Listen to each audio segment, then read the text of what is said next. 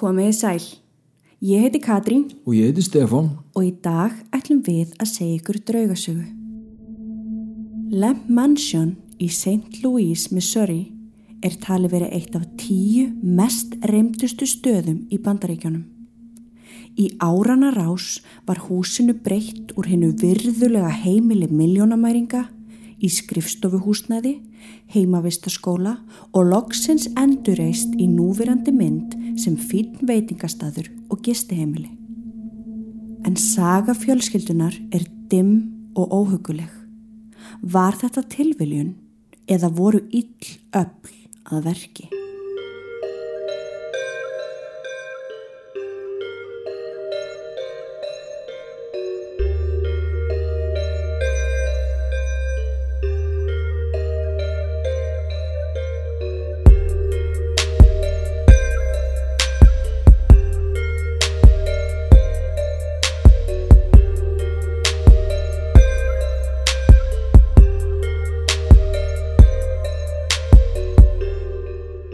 Saga Lemp fjölskyldunar byrjaði með Jóhann Adam Lemp sem kom til St. Louis frá Þískalandi árið 1838.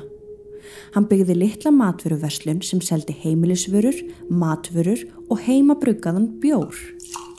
Ljósi lagerinn var kærkomin tilbreyting frá dekkri bjórum sem seldir voru á þessum tíma.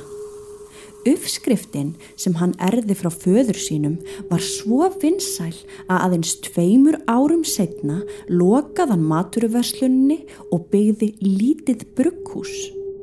Lemp seldi fyrsta bjórin á krá sem var tengd við brugghúsið og kynnti St. Louis fyrir fyrsta lagernum. Fljótlega komst Lempa því að brugghúsi var of lítið til að sjá um bæði framleiðslu og geimslu en þá fann hann stóran helli sem var við borgarmörkin. Þar var hægt að halda lagernum köldum með því að saksa ís frá nærlegjandi Mississippi áni og leggja hann í kring. Brugghúsið hann sem hann nefndi Versten Brewing Company hjá Lemp hjælt áfram að dapna og var á 5. áratugnum eitt að stærsta í borginni. Árið 1858 náði bjórin fyrsta sæti á hennu árlega St. Louis Fair. En Adam Lemp lést fjórum árum síðar þáriðin miljónamæringur og sonur hans William tók við og hóf mikla stækkun á brugghúsinu. Hann kefti fimm húsaraðir um hverfi skeimslulagurinn og hófst handa. Árið 1864 laug uppbyggingu á nýri verksmiðju og brugghúsi. William þurfti stanslöst að vera stækka við til að mæta eftirspurn. Um 1870 táknaði vörumerki lempfjölskyldunar bæði auð og völd þar sem lemp brugghúsið stjórnaði St. Louis bjórmarkaðnum en það held þeirri stöðu allan tíman þánga til bjór var bannaður setna mér. Jakob, tengdafadur William Lemp, byggir svo hús stutt frá Lemp brugghúsinu og William kaupir það af tengdaföðu sínum fyrir fjölskylduna sína og nýtti það bæði sem heimili og skrifstofu. Þó að heimilið væri þegar hitt glæsilegasta byrjaði Lemp strax að endurnýja og stækka þetta 33 herbergja hús Mm -hmm. hann hafa komin svolítið svona mikil mennska í hann Já. strax þarna Já, já. frá mannsjóninu voru byggð jarðgöng í kjallarunum í gegnum hellana að brugghúsinu þegar vélræn kæling kom til sögunar var hluti hellisins breytt í spa og leikus þar var stór stift sundlaug og keiluhöll Um aldamóti 1900 fekk Lemp brugghúsið aðtikli á landsvísu eftir að hafa kynnt hinn vinsala Falstaff bjór sem enni bruggaður í dag af öðru fyrirtæki en Lemp Versten Brewery var fyrsta brugghúsið til þess að selja bjórið sinn þvert yfir bandaríkin. Þarna var Lemp fjölskyldan að byggja upp sitt eigið heimsveldi.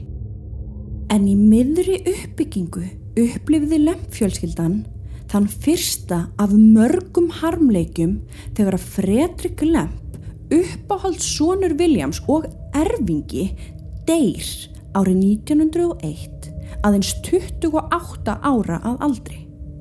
Fredrik sem hafði aldrei verið við sérlega góða heilsu andaðist úr hjartabilun. Þessi missir eigðilagði William Lemp og hann varð aldrei aftur sá sami. Hann hætti að sjást á almanna færi og lendir svo í öðrum missi þrem árum setna þegar að vinur hans deyr. Hægt og rólega mátti sjá William Lemp missa lífsviljan. Hann varð áhuga laus um rekstur brugghúsins og þó að hann mætti enn á skrifstofuna á hverjum degi var hann kvíðinn og órólegur. Líkamlegri og andlegri heilsu hans fór að raka og 13. februar 1904 sama ár og vinur hans dó og aðeins þrem árum eftir að hann misti svon sinn skýtur hans í höfuðið með 38 kalibera bissu inn á heimili sínu. Í november sama ár tekur William Lemp Jr. við Lempveldinu. Ok, þannig að hann átti sem sagt annan són. Já, hann átti annan són sem hann skýrði í höfuð á sjálfum sér. Ok, Þannig að hérna frá köllum við hann William Lemp Jr. ok. Hann erfir fjölskyldufyrirtækið og þar af leiðandi margar miljónir. Þannig að hann og konan hans, Liljan, ákveða að byrja að hafa það hans í gott í lífinu. Þau byrja að eyða í allt það sem þeir langaði í. Parið fylgdi húsi með þjónum og eittu gífurlegu magni í vagna, fatnað og list. Liljan, konan hans, var falleg kona sem kom sjálfur auðugur í fjölskyldu. Hún og William Lemp Jr. gifta sig og eignast són sem þau skýra hvað helduru. William. William Lemp sem við köllum hérna í frá William Lemp þriðji. Ok, Hann er bara ungur strákur þarna. já. Í upphafi naut William þess að sína fólki hvað hann hefði það gott, hversu falleg konans væri, en William var player og fættur með silfur skeið í mununum, ef svo má segja. Og hann var vanur að gera og starfa eins og hann vildi. William var upptekinn við að reka brugghúsið á daginn, en á nóttunni vildi hann skemmta sér í undirgöngunum, mannstu sem ég sagði þér að voru byggð undir mannsjóni. Hann er bara hann með lítið bæjarfélag undir húsinu. Já. Þar held hann veistlur og fjölmargar vændiskonur komu til þess að skemmta honum og vinans. Auðvitað flætti allt í bjór Já, já. og gleðskapurinn stóð til morguns. Þetta gerist aftur og aftur og aftur. En síðan lendir hann í vandræðum. Nú, býtu. Hann eignast són með einni vændiskonunni. Og þá kom allt upp á yfirborðið. Allt þetta framhjáhald og allt þetta sökka á honum. allt saman. Í dag eru engin ofinber gögn um að þessi drengur hafi verið til Ok, en það eru sögursagnir um að drengurinn hafi verið falinn á háaloftinu í mannsjóninu alla æfi. Samkvæmt sagnfræðingi á þessum tíma sem heitir Joe Gibson þegar hann tók viðtal við fyrrum fóstru og þjón sem störfu við húsið staðfestu þau bæði að drengurinn væri til og væri geimdur á háaloftinu sem einnig hýsti herbergi þjónsins. Drengurinn var fættur með dánshelginni sem á þessum tíma eins sorglegt og það er þótti algjör skömm fyrir fjölskylduna. Drengurinn var því falinn frá heiminum til þess að sverta ekki Lemps nafnið. Þessi óheppilega sál sem er kallaður svo ljótu nafni að ég hef ákveðið að nota það ekki í þessum þætti heldur áfram að sína nærfuru sína í lampmannsjónunu enn þann dag í dag. William og Lillian skilja og hún fær forræði yfir drengnum þeirra William Lamp þriðja. Skilnaðurinn var einungis eitt vandamál í lífi Williams á þessum tíma því að árið 1906 höfðu nýju stór brugghús á St. Louis-væðinu saminast til þess að mynda eitt sjálfstætt brugghús og skapa í kjölfarið harða samkeppni sem Lemp brugghúsið hafði aldrei staði frammi fyrir áður. Og á sama ári deyr móðir Williams af völdum krabbamins. Þó að það hafi verið byrjað að halla undir fæti hjá lempveldinu var lempmannsjónið endurbyggt að öllu leiti árið 1911.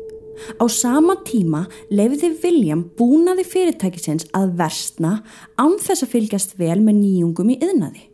Við fyrri heimstyrjöldina var brugghúsið komið í mjög slæma stöðu.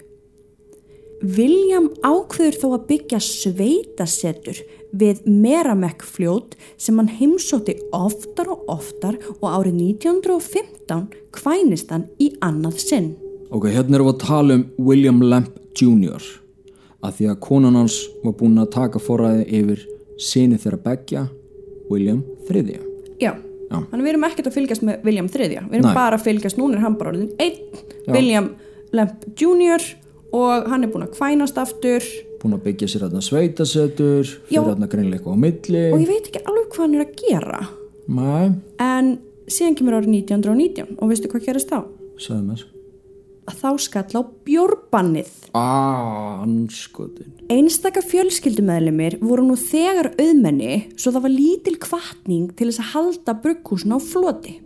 Um tíma vonaði William að þingi myndi fella úr gildi bannið en að lokum gafst hann upp og lokaði lemp verksmiðunni án fyrirvara. Starfsmennir fréttu af lokunni þegar þeir komu til vinnu einn daginn og fundu hurðarnar, lokaðar og hliðin læst. 20. mars 1920 gerist síðan annar harmleikur í Lemp-fjölskyldinni. Elsa Lemp, sem er systir William Lemps, Ok, sýstir William Lamp Jr. já, Ok, skýtur sig í hausinn inn í mannsjónunu eins og fadir hennar hafði gert.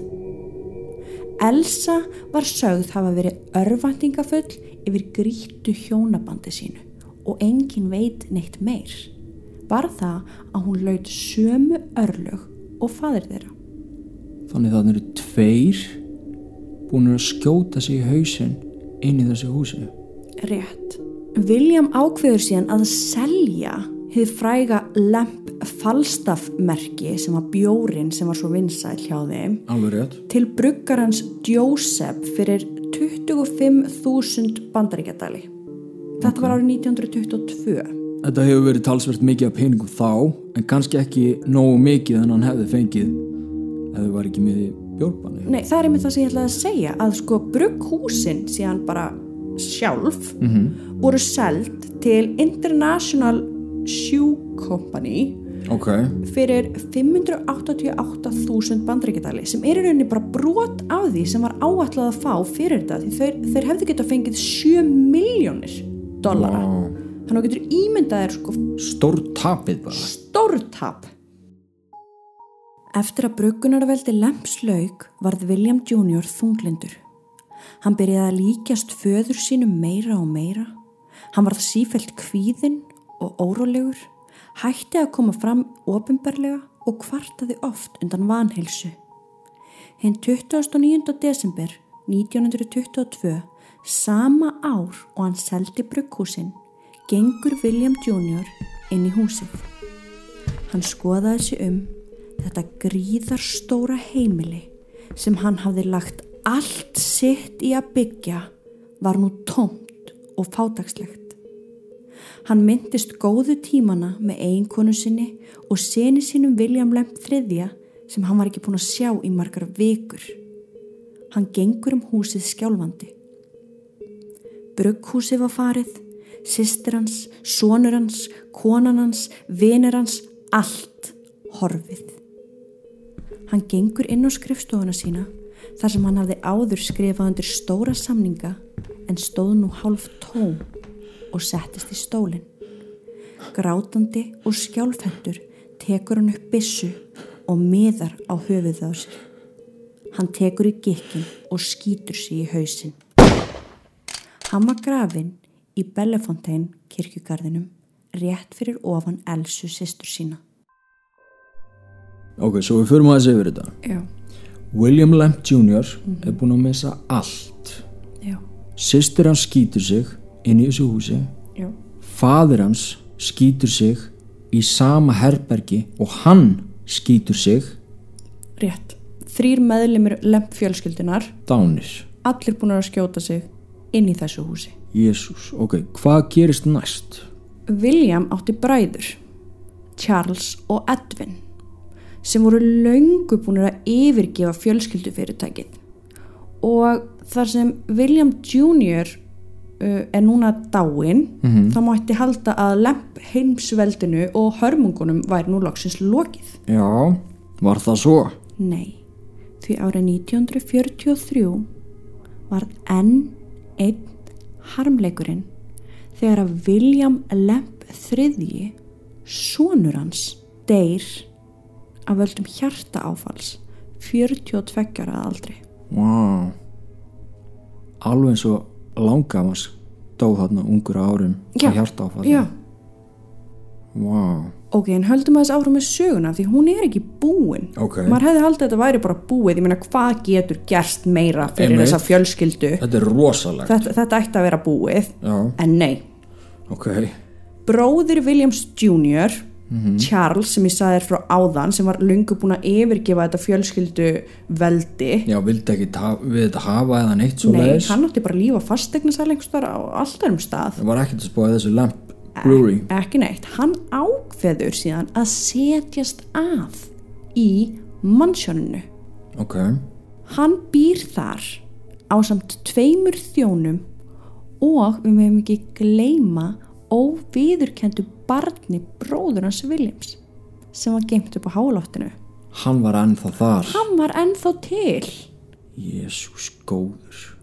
en hægt og rólega fór Charles að taka persónuleika breytingum líkt og fadir hans hafi gert og bróður hans með þráhyggju og þvingunarhegðun þróaði hann með sér sjúglegan ótta við síkla hann fór að vera með hanska á hverjum degi til þess að forðast bakterjur og þóði hendur sína stöðugt það var á þessum tíma sem ólögumætt barn Williams bróður hans núna á þrítugsaldri Já, fullorðið maður þá, núna. Já, deyr í húsinu. Hann var grafinn á lóð lemp fjölskyldunar, ekki í kirkjugarðinu með öllum hinnum. Hann var bara í rauninni grafinn þarna í garðinum og fekk pínulítið merki sem ástóð lemp. ekki einu sinni nafni sitt. Nei. Stuttu eftir andlát stráksins varð Charles fjórði meðlimur lempfjölskyldunar sem fremur sjálfsmorð. Hann skýtur sér líka. Í, í fyrsta lægi þá skýtur hann Dobermann hundin sinn í kjallarahúsins og fer síðan upp stegan að herbergi á annari hæð og skýtur sig í hausinn. Jésús. Nei, ég meina, hvað er að gerast? Langafinn dáinn, William Senior skýtur sig í hausinn, William Junior skýtur sig í hausinn og hérna lagmætur sonur hans, Dáin. dáinn, Elsa, systrans skýtur sig í hausinn. og núna Charles Wow. sem kom ekki nálagt neinu. Það eina sem breytist í lífi Charles Er hann fór inn í húsið? er að hann flutt inn í húsið. Og af hverju að skjóta hundin sinn? Og meiri segja þá hann finnst 10. mæ 1949 af einum af starfsmönnum hans og hann heldur ennþá á byssunni í hægri hendinni. Og þó að hundurinn hans hafi verið skotin í kjallaranum, það var alveg greinilegt að hann hafi verið skotin þar, Já. með bara blóð, Já, já. magnið, Ok. þá finnst hann á miðri leiðinni upp stegan. Charles hefur tekið hundin eftir hann skautan og byrja að brölda með hann upp stegan, gefist upp, Og farið svo bara farið svo sjálfur upp og skoti sig. Þú veist, hvað er að gerast? Eða hundurinn hefur verið skotinn, hann fer svo upp og ætlar að skjóta sjálfum sig og hundurinn er bara eitthvað að limpast þarna upp að leita að eigandanu sinni Ói, ekki segja og þetta. deyri stegunum. Ok, þannig að nú er þetta allt saman búið eða ekki, þessar hrakfærir. Nei, að því það er ennþá einn eftir Edwin Lamp Býtu hver var það áttur? Það var bróðir William Lamp Jr. já, Ok, William Lamp Jr. Elsa og Charles ok, þau voru fjögur sískinin og þetta er seinasti hlekkur fjölskyldunar Edwin Lamp hann flytur inn í húsið það. Sko hann hafði lengi forðast lífið sem fjölskyldan hans hafði byggt upp og hafði það öll setna mér hlotið sömu örlög. Já, Hann var þekktur sem rólegur maður sem hafði gengið frá Lempbrukúsinu árið 1913 til að lifa bara friðsælu lífi á afskektu búi í Kirkwood, Missouri.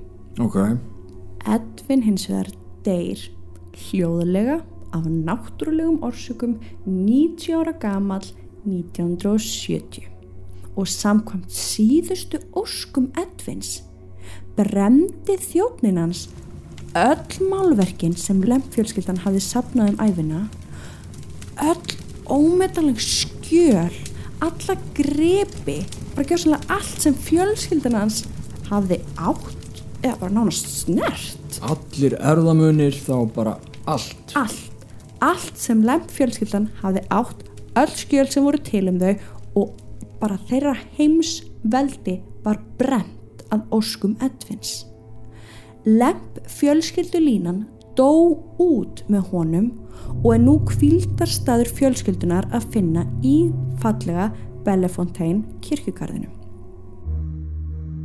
En eftir andlátt Charles Lamp, Já, sem sagt maður með hundin já, sem dreipur sig í húsinu, þá var mannsjónið selt. Ok. Af því þessi Edvin sem ég var að segja frá, hann flutti aldrei í húsið. Nei, ok, hann vildi ekkert við þetta hafa. hann vildi ekki flytja í húsið en auðvitað þá átti hann alltaf alla þessa muni. Þú veist, öll málverkinu og allt það. Þannig að hann gæti alveg sagt, þú veist, hvað hann vildi gera við það en hann vildi ekki sjá húsið, hann vildi ekki koma nálægt í Það er svona merkilegt af hverju hann gerði það, af hverju vildi hann að allt er þið brent. ég veit það ekki. Og af hverju vildi hann ekki, þú veist ekki einu svona lappa inn í húsið? Þessu, þetta var bara selt, þetta mannsjón og því var breytt í heimavist Ok, ég veit ekkert hverjum hann seldi húsið, hann, bara, Nei. hann greinlega bara hefur ekki vilja neitt með það hafa og hann bara selur húsið og því er breytt í heimavist en það var þetta risastórt hús. Ég meina þetta voru 33 herbergi áður en William ákveður að gera það ennþá stærra. Já, já, já. hann þetta er risastórt hús. Þetta er bara höll. já. En það er ekkert hugsað um þetta hús. Og það er raunin ekkert hugsað um þetta hverfi sem það var í þannig að bara hægt og rólega byrjaði byggingin að versna og áleitnar sögur hófust Ok, Íbúar byrjaði að kvarta yfir draugalegum höggum og fótsporum sem heyrðust um allt húsi og greinilega það hátt að nágrannir tók eftir því. Þegar þessar sögur dreifðust var erfitt að finna leyendur fyrir húsið. En í dag er húsið í eigu pointer fjölskyldunar og er starfandi veitingahús og gistiheimili. Ásamt því bjóða þau upp á draugatúra og mystery dinner eins og þau kalla það. En það virðist vera að lempfjölskyldan sé ekki alveg tilbúin að sleppa tökum á húsinu.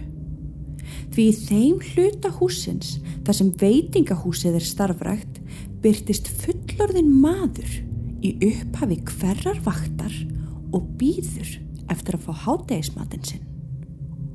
Þegar að þjónar spyrja mannin hvað hann sé að gera, hverfur hann fyrir augum þeirra. Þessi maður byrtist reglulega aftur og aftur og situr við borðið graf, kyrr og starir framfyrir sig og síðan hverfur hann. Á fyrstu hæð húsins í borðsalnum sem er á sömu hæð og veitingastæðurinn má stundum heyra píanoleik og fagrir tónar hljóma þótt að enginn séðar og flíillinn er bilaður. Fólki hefur verið ítt úr mörgum herbergjum húsins, glös eru reglulega færð til eða hendi í gólfið af ósýnilegu afli, matardiskar fljúa af borðum og kiftir í borðdúka svo harkalega að allt á borðinu kastast nér á gólf. Já, mér skilst að William Lamp sé ekki hrifin af því að það sé reikin veitingastæður í gamla seturinn hans, Lamp Mansion. Nei, greinileg ekki. Hún er allan mjög illa við það. Oft heyrist í hundinum sem var skotin í kjallarunum, bæði gelta og í loppum hans þegar að lappað er um húsið. Þó að engin hundur sé sjáanlegur, en það eru gælutir ekki leifð í húsinu í dag.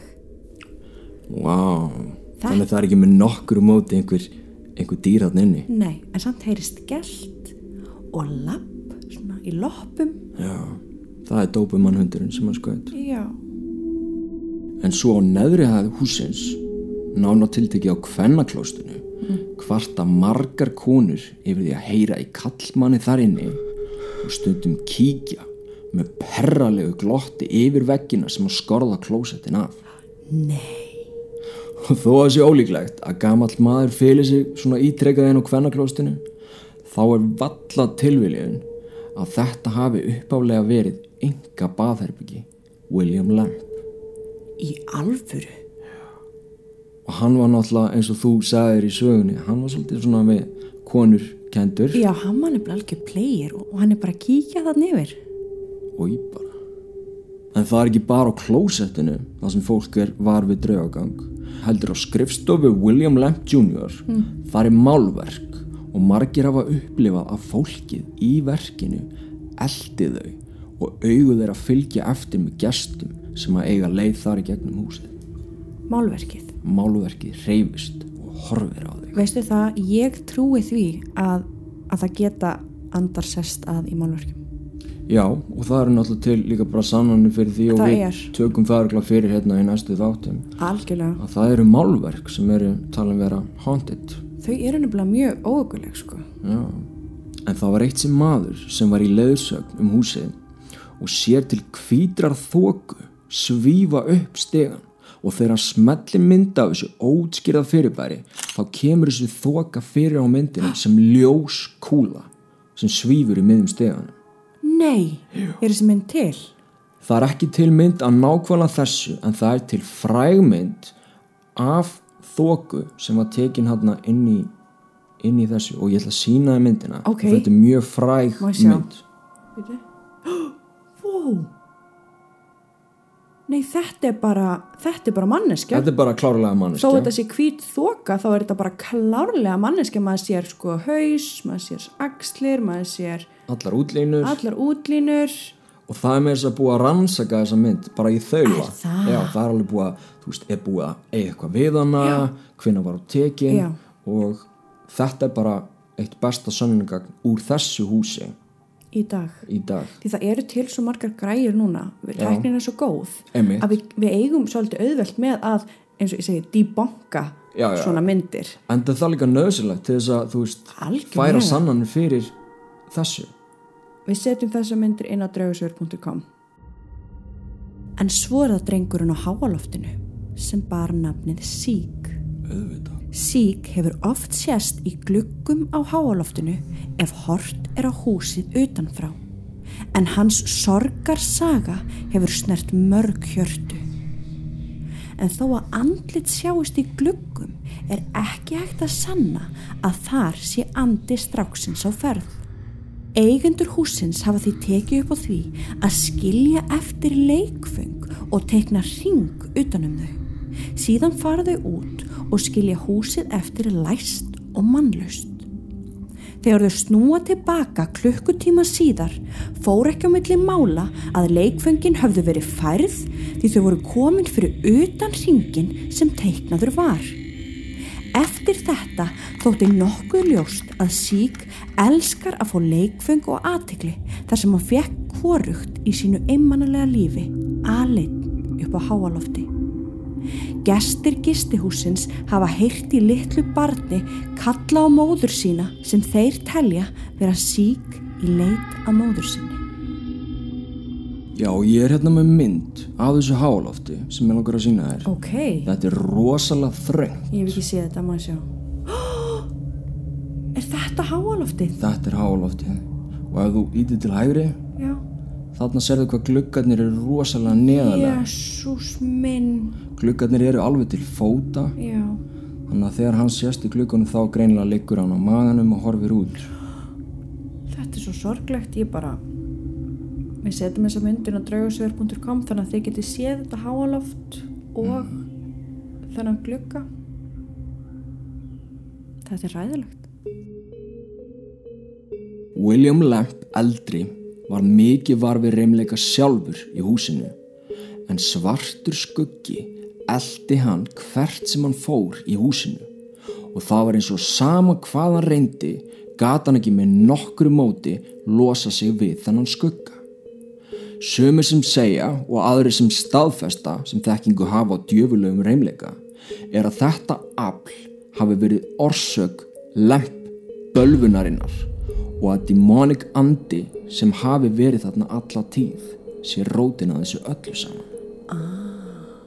Þessi svarti skuggi hefur oft sést í undirgöngunum undir húsinu og hafa þeir sem þóra séðan bregða fyrir, kasta steinum og hræða fólk burt úr hellinum óttaslegið.